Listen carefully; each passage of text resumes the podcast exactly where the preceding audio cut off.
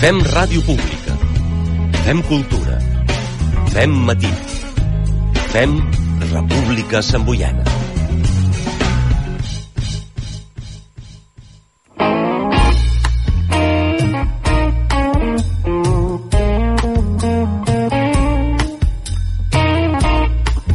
Set minuts eh, passen de les 9 del matí. Continuem amb el nostre Consell de Sàvia i Savis dels dimarts amb el Joan Ramon Molero, la Mercè Quílez i també el Ricard Peris, és clar. I avui, ja us ho dèiem, a la segona part de la tertúlia, doncs eh, tenim eh, una convidada molt especial. Avui és el Dia Mundial de la Ràdio i és per això que hem volgut doncs, eh, demanar-li que passi una estoneta amb nosaltres, encara que sigui per via telefònica, la Margarida Moles Igual.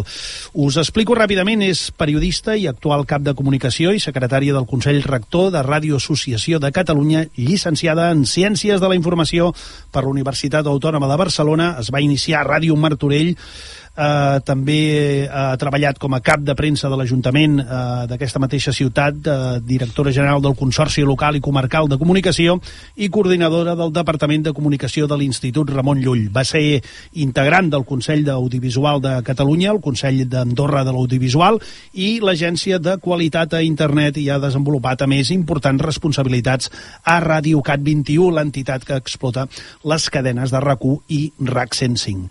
Enguany és la coordinadora de la commemoració del centenari de la ràdio. Molt bon dia, Margarida, i benvinguda a la República Samboiana de Ràdio Sant Boi. Hola, bon dia. Ara no sé si, si és que he fet moltes coses o és que sóc molt gran. A, et seré sincer, Margarida, m'he deixat uh, uh, més de la meitat de les coses perquè, evidentment, dic que uh, amb ella no li agraden masses festes d'aquest tipus, jo ja ho sé. Però, vaja, havia de presentar-te, tot i que ja et coneixem, però una mica per situar-te. Escolta, molt bon dia mundial de la ràdio, Margarida. És increïble, eh, Amadeu?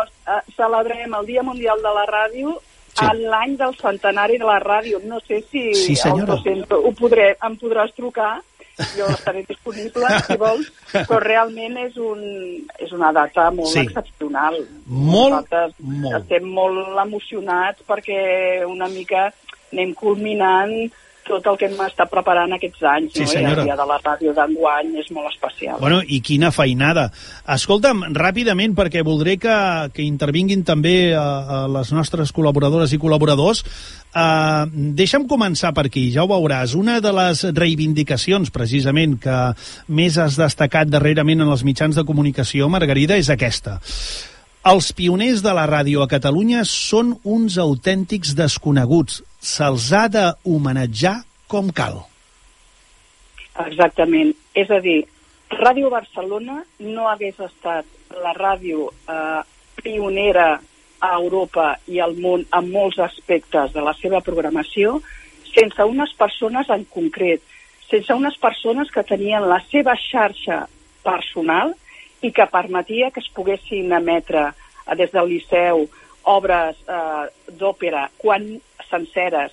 Era l'única emissora al món que emetia obres senceres d'òpera i tota una sèrie de coses que era gràcies a la seva xarxa personal, uh -huh. a les seves capacitats, i no només eren uns empresaris que posaven uns diners en un projecte que ells creien que això podia anar endavant, sinó que li donaven, li donaven la forma amb els diners que posaven perquè, perquè es muntés l'emissora, però li donaven el contingut. Ells intervenien, ells tenien molt clar què havia de ser uh -huh. aquesta emissora. El tenien com una eina cultural bestial. Sí, I per això eren tan importants. Ells van donar la forma a Ràdio Barcelona. El que és increïble és que aquesta gent, que és qui va determinar com havia de ser a J1, doncs no en sapiguem pràcticament res d'ells. Doncs sí. A, a banda, Margarida, deixa'm recordar que no farà massa el, el teu company, en Jordi Margarit, en aquest mateix eh, programa ens explicava que els pioners de la Ràdio Catalunya no es van vendre l'emissora per diners, sinó que el govern de l'Estat els hi va robar, així de clar. I és que aquesta història, que tu també vols remarcar, i jo t'he sentit explicar-ho de manera magnífica, no és el que sempre s'ha explicat. Per tant, després de la recerca històrica de, de la feina que heu fet moltes i molts dels activistes de la ràdio a Catalunya, això s'ha d'explicar clar i, millor dit que mai, català. És així o no, Margarida? Ex- ex- Exactament. Nosaltres, quan vam començar la recerca, ja veiem perquè aquests pioners, ells tot el dia estan explicant coses. És a dir, a tots els diaris apareixen però milers d'articles on ells s'expliquen Nosaltres, quan vam començar la recerca, ja vam veure que ells, fins i tot en dictadura, ja deien, ja parlaven de que els havien obligat a vendre l'emissora. Aleshores, vam començar a seguir aquesta, aquesta línia, hem trobat testimonis posteriors, conferències que es van fer en el seu moment, ara ja amb democràcia i tot plegat, que explicaven aquest fet. Uh -huh. Què faltava aquí? Faltava una peça que quan fem tota la recerca ens adonem que evidentment hi ha una obligació perquè a Madrid aposta, amb la dictadura de Primo de Rivera, aposta per un nou projecte que és Unió Ràdio Madrid, doncs eh, ens, ens arriba uh -huh. el testimoni de la filla d'un dels pioners que és l'ànima mater, que és l'Eduard Rifà, sí, senyora. on ella ho explica a les seves memòries, a les seves cartes al seu fill, ho explica. Ells sempre ho van viure com una incautació. Utilitzen aquesta paraula, tot i que formalment no ho és, però hi ha un moment que s'emporten els tres pioners principals, el Rosto Insany Noble, el Pau Llorenç i l'Eduard Rifà, uh -huh. els se'ls emporten a Madrid, els tanquen en un despatx, estan 48 hores retinguts i fins que no signen la, la renúncia, la venda, uh -huh. perquè és venda, perquè formalment és una venda. Obligada, a més a més, sí, sí. Un, ah, I clar, eh, crida molt l'atenció de la pistola, però evidentment sí, sí, allà sí. hi havia gent vestida de militar i tant. I posaven la pistola a sobre la taula. Sí, sí. Quin tipus d'amenaça és? No ho sabem. Però tu intenta estar en una reunió amb una pistola sobre la taula. Sí, es fa difícil. Uh, evidentment es faria difícil. Escolta, Margarida, si et sembla, uh, donem pas també que diguin la seva uh, els nostres uh, i la nostra col·laboradora.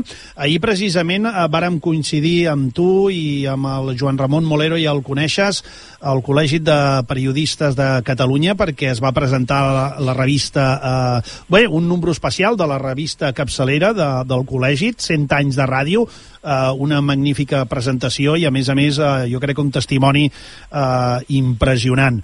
Tu ja el coneixes, el Joan Ramon, eh, i si et sembla, i el Ricard Peris, i la Mercè Quílez, eh, companya, companys, si us plau, digueu la vostra, aprofiteu que tenim doncs, a la Margarida aquí. Hola, molt bon dia, Margarida. Joan Ramon. Bon dia.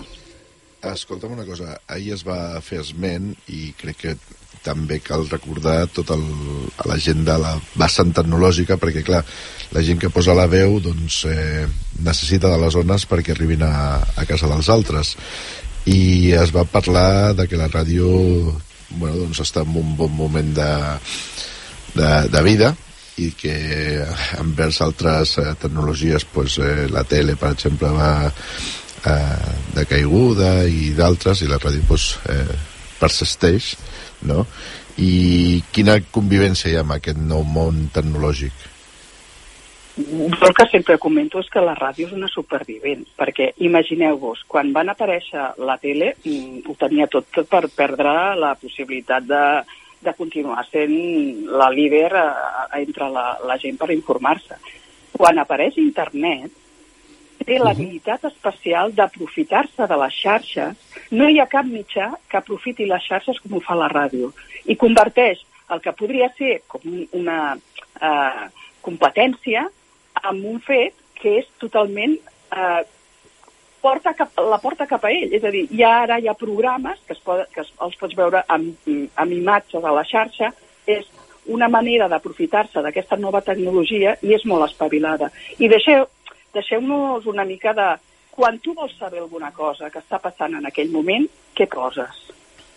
Uh -huh. Correcte. L'actualitat. Es parla molt del Correcte. podcast i, evidentment, és un món a, a, a recórrer uh -huh. i és una nova possibilitat de veure i d'escoltar uh, uh, ràdio, però l'actualitat és exclusiva de la ràdio. Uh -huh. I això no ho perdrà mai, perquè la immediatesa té moltes més possibilitats que altres mitjans. En aquest sentit sí que hi guanya i aprofitar-se de les xarxes ha sigut una mica la cirereta del pastís, perquè ells uh -huh. estan de seguida en el moment que toca, no? Molt bé. Hola, Margarida, molt, molt bon dia, sóc la Mercè. Uh, escolta'm una cosa, jo penso que la ràdio té molt, molt i molt bona salut, perquè, a més, com tu deies, la immediatesa quan, quan necessitem saber una notícia eh, està aquí. I, a més, nostàlgicament, la ràdio sempre ha estat a casa nostra. Jo, que també tinc una edat, eh, jo mm, moltes vegades la ràdio la, la focalitzo amb els meus pares, amb la meva mare quan treballava, i veritablement encara jo porto la ràdio al meu mòbil. o sigui, com ara no puc portar, no, no portaré pas una ràdio, però la porto al mòbil. O sigui, ara jo em beneficio de la nova tecnologia per continuar sentint la ràdio. I, i això a mi em dona moltíssima alegria, perquè veig que els joves, molts d'ells, també ho fan. Tu creus que això és positiu? A veure, els joves ho veuen, ho fan, consumeixen tot d'una altra manera. Això ho hem d'entendre i és positiu. Però fixeu-vos que la ràdio, eh, quan, quan, quan ha de buscar... Per exemple, ara que comentaves tu el tema de, dels transistors, les ràdios que hem tingut tots uh -huh. a casa. Exacte. En molts països, recordeu que es va fer eh, la televisió, s'ha fet una pagada digital, és a dir, un, ha, hi ha hagut un moment que tothom va haver de tancar les, la televisió tal com la tenia per agafar un nou format, que era aquesta televisió digital, que començava, recordeu que la gent s'havia de, de tornar a sintonitzar les antenes amb la ràdio, hi ha països que ho han fet, que és un nou sistema que es diu DAP, perquè sabeu que la ràdio ocupa moltes freqüències. Ara amb internet no. Uh -huh. Ara amb internet Clar. pots escoltar Ràdio Matà de Pere ja. o la, uh -huh. la República Samboiana des d'Austràlia. Correcte. Això sí que és un recorregut espectacular. Però uh -huh. uh, el, que, el que és el, les noves tecnologies, per exemple, el DAB, que era per escoltar, que alguns cotxes ja porten el DAB i tal, aquesta tecnologia és impossible fer una apagada aquí, perquè com que tothom té un costum tan bèstia de tenir els seus transistors, les seves ràdios, les seves... continuen mantenint ràdios que no són al mòbil ni uh -huh. són... Uh, doncs hi ha un consum tan gran que uh -huh. és impossible que es pugui uh -huh. fer una apagada digital. A part de que, evidentment, ja s'ha vist que tot això, aquests sistemes nous que hi havia i tot plegat, s'ho menja tot internet. Uh -huh. És a dir, el futur Clar. està a internet. Sí, sí. Ho escoltarem tot per internet. Sí. Però al final, eh, com de funcion... Eh, diguéssim, la funcionalitat de, de la ràdio, com, com d'important és, eh, fixeu-vos que, penso jo, eh, que la ràdio és l'únic mitjà que no et demana el 100% de la teva atenció ni que interactuïs. És a dir, tots els altres mitjans, eh, les tablets, els mòbils, a internet, l'ordinador, fins i tot la televisió, et diu, ei, m'has de prendre una mica d'atenció. Eh, la ràdio diu, no, no, tu ves fent, condueix, eh, pren el sol amb els ulls tancats a la platja, fes el que et dongui la gana, que jo aniré acompanyant. No et demano, no t'exigeixo res més. I encara és 100% gratuïta. Sí, senyora. Exacte. Ah, sí, senyora. Aquí, aquí anàvem. Ara. Ricard. Sí, hola, bon dia, Margarida, sóc en Ricard. Bon dia. Peris, hola, bon dia, encantat eh, de parlar amb tu. No ho sé exactament amb una persona amb aquest currículum, que és el que li puc preguntar, no? Però, agafant una mica el fil, jo diria que probablement, eh, no sé si ho veus així, eh, la, aquesta ràdio que coneixem, la ràdio, les ràdios eh, que coneixem avui en dia, hagin de forçosament deixar pas a aquest nou tipus de, de comunicació radiofònica que se'n diu en el podcast, no? Entre altres coses perquè, jo no sé si estaràs d'acord amb mi, eh, n'hi ha moments en què la publicitat es fa realment insuportable amb algunes cadenes, no? Eh, igual que passa amb la tele. Ja sé, ja ja sé que tothom em dirà oh, és que l'única manera de funcionar és així bé, mm, tenim l'exemple aquest del podcast no? on pots mm, fruir de tota aquesta eina comunicativa sense haver de suportar tant una llau tan gran de publicitat. Què hi penses sobre això? Mira, el tema de la publicitat va ser quan eh, eh, torno al principi perquè veieu que continuem tenint els mateixos reptes i les mateixes dificultats. Uh mhm. -huh. Quan va hi haver durant tres anys que van haver de conviure la gent que va, els nostres, els nostres pioners que van muntar Ràdio Barcelona, durant tres anys van haver de conviure amb els de Unió Ràdio Madrid fins que es van separar definitivament.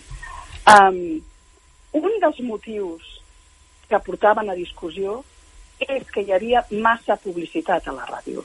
És a dir, els pioners es queixaven de que els de Unió Ràdio uh -huh. feien una ràdio que només era d'anuncis, perquè els objectius eren diferents. Aquí hi havia un objectiu cultural, a Madrid hi havia un, un objectiu comercial. I van ser uh, aquesta gent, que després va muntar Ràdio Associació de Catalunya, qui va inventar una nova manera de fer diners amb els anuncis. Sabeu quina manera van inventar? El uh -huh. patrocini. El patrocini? I feien concerts i deien patrocinat per tal, uh -huh. i aquell concert cert, no s'interrompia uh -huh. absolutament per res. Uh -huh. Doncs una mica és el, el que encara eh, eh, tenim bueno, els programes són els mateixos que hi havia. La publicitat és important, uh -huh. uh, però ja veieu que ve de lluny el problema. S'ha de buscar patrocinis, tothom busca patrocinis, és tot molt complicat, uh, i bé, també a vegades hi ha gent que a mi amb, amb tots els respectes, però hi ha vegades que és com si jo busco patrocini i com a excusa faig un podcast. Bueno, potser és una mica al revés, no? Vull dir, uh -huh. ja ho sabem que ens hem de guanyar tots la vida, però de vegades hi ha algun podcast que dius, home... Fer-ne un gra massa tampoc, clar.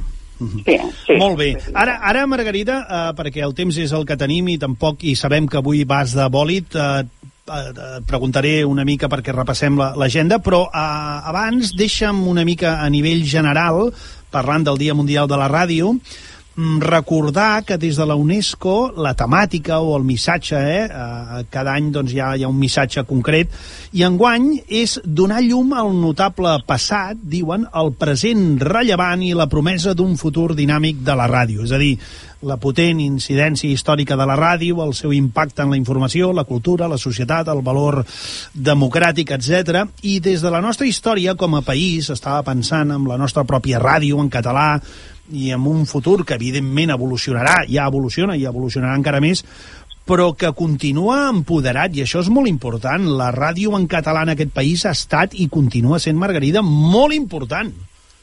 Bueno, és la líder. La Sí, ràdio en català és líder. I perquè les emissores municipals, no, les locals, no, no apareix mai en l'EGM sumat però aquí hi ha una quantitat de, de feina que feu des de les emissores locals, bueno, que hem fet tots des de les emissores locals, eh, apostant pel català com a eina d'instrument eh, vehiculitzador de tots aquests mitjans, que això mm, ho, ho reconeixerà qui vulgui, però nosaltres Clar. ho podem reconèixer perfectament, Uh -huh. perquè ha sigut així.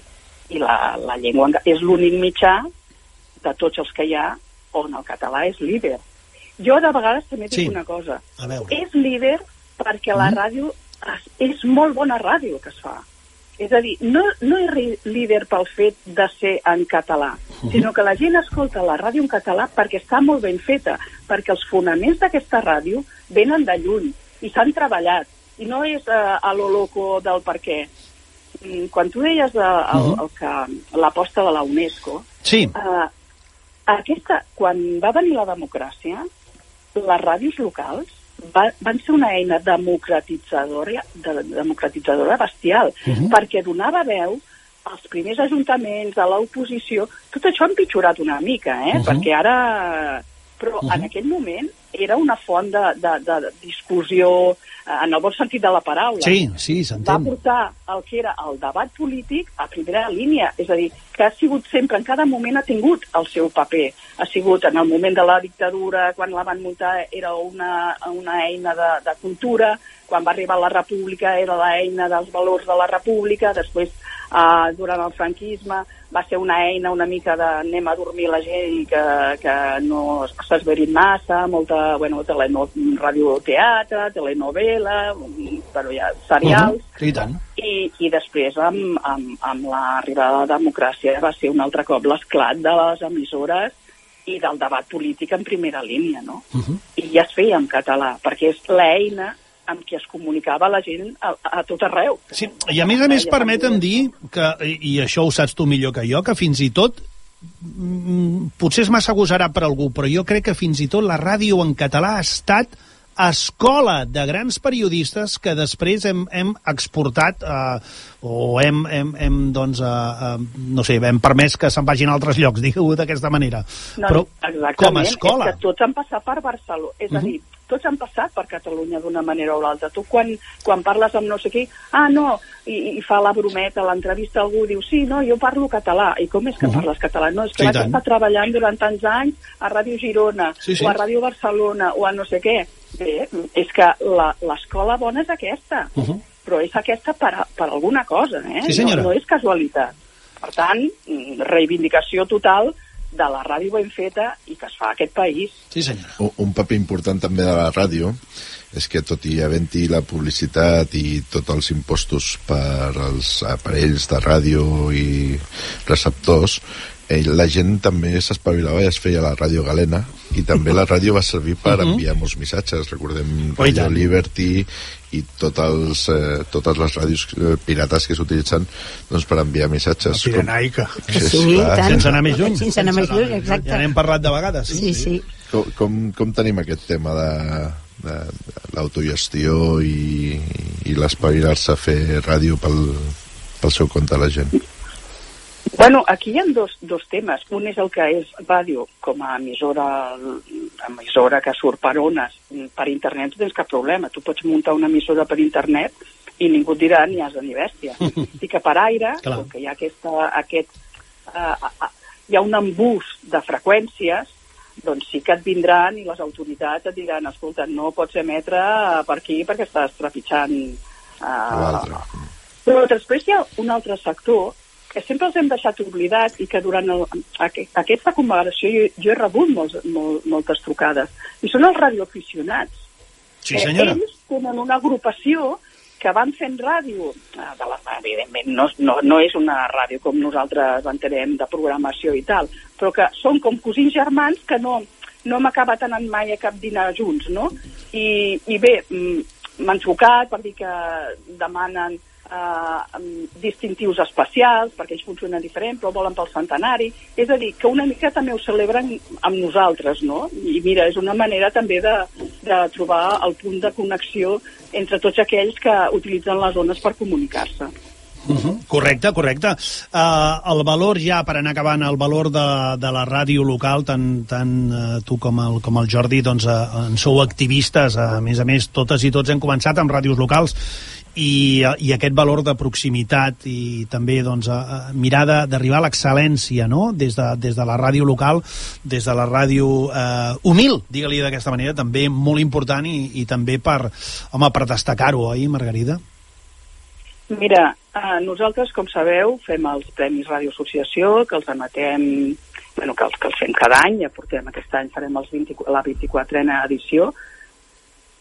Els projectes més innovadors, els més interessants, els que capten l'atenció, sempre venen de la ràdio local. És a dir, la llibertat de pensar com podem fer les propostes més arriscades, sempre venen de la ràdio local. I a vegades ens plantegem, bueno, escolta, això de ràdio local ja ho heu vist últimament, que ja no és encotillat, perquè hi havia una categoria que era ràdio local, i ara no. Ara les emissores Sí, senyora. poden optar, les locals, a totes les categories, Mhm. perquè és que el nivell de qualitat és excepcional i jo, mm, quan, jo me les escolto totes, eh, quan arribo, després les repartim amb el jurat i Sí, sí, jo sí, ho callada. sé, ho sé. El dia del jurat jo callada, però ho vas veient.